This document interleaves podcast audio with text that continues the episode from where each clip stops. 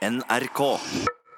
Første gang vi hørte om hiv og aids, det var på 80-tallet. Og det var en skrekksykdom som innebar forferdelige lidelser og den visse død.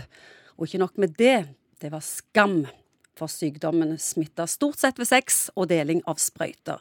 Nå har det gått snart 40 år, og Morten Munkvik, hva har skjedd siden da?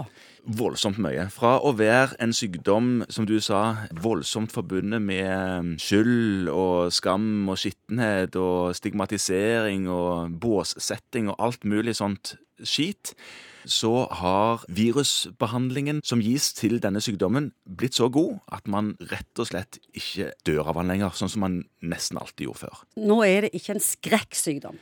Nei, sånn med tanke på livslengde og hvordan du kan leve livet ditt med den, så er det ikke en skrekksykdom. Men jeg føler vel at en del av disse fordommene fortsatt henger i, da. Hvorfor er det så?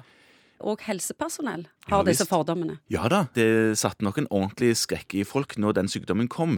Hiv-infeksjonen var jo en virussykdom som gjør at når man trenger immunsystemet sitt, så slår det sprekker. Og så får man eh, etter hvert aids-infeksjoner som du egentlig ikke burde få.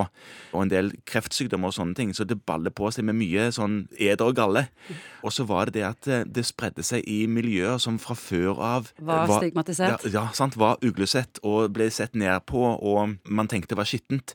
Homofile miljøene rundt omkring, de sprøytenarkomane miljøene. Et miljø som har slitt i dårlig samfunnslys over tid, fikk disse plagene på toppen av alt det andre de eh, sleit med. Og så er det det som har satt så skrekk i folk. Hvor lite dramatisk er det å få påvist hiv nå?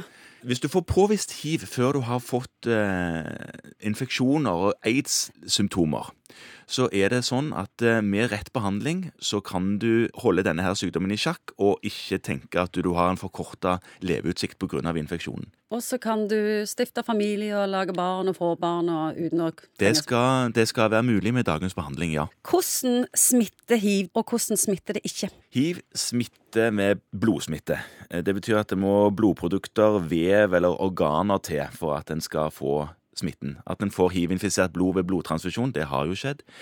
Før man var klar over dette her, da. Det kan skje ved sprøytestikk fra mor til barn i fosterlivet. Ubehandla, hvis man ikke har kontroll på infeksjon ved antiviral behandling. Det, det må det til. Det nytter ikke å kysse. sant? Du kan kline så mye du vil med en hiv-infisert, med mindre du er så offensivt anlagt at du biter hull i tungen til folk. Med spytt eh, smitter ikke. Så det smitter vanskelig?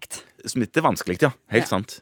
Den nye medisinen, hvordan virker den? Den virker med å holde viruset i sjakk, rett og slett, for å si det enkelt. Sånn at det ikke får anledning til å oppkopiere seg og ta av når du får trigga immunsystemet ditt, sånn som ellers skjer. Hva er ditt eh, viktigste budskap til engstelige mennesker når det handler om hiv?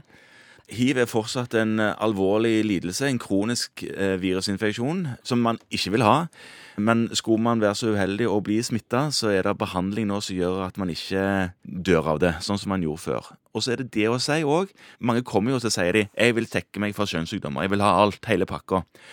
Og så, ja, vi kan ta klamydia, gonoré og sånne ting. Ja, men jeg vil ha hiv og hepatitt òg. Som vi har snakket om, hiv smitter vanskelig.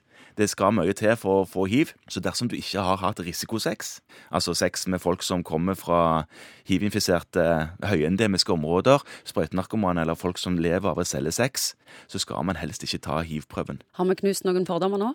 Jeg håper det.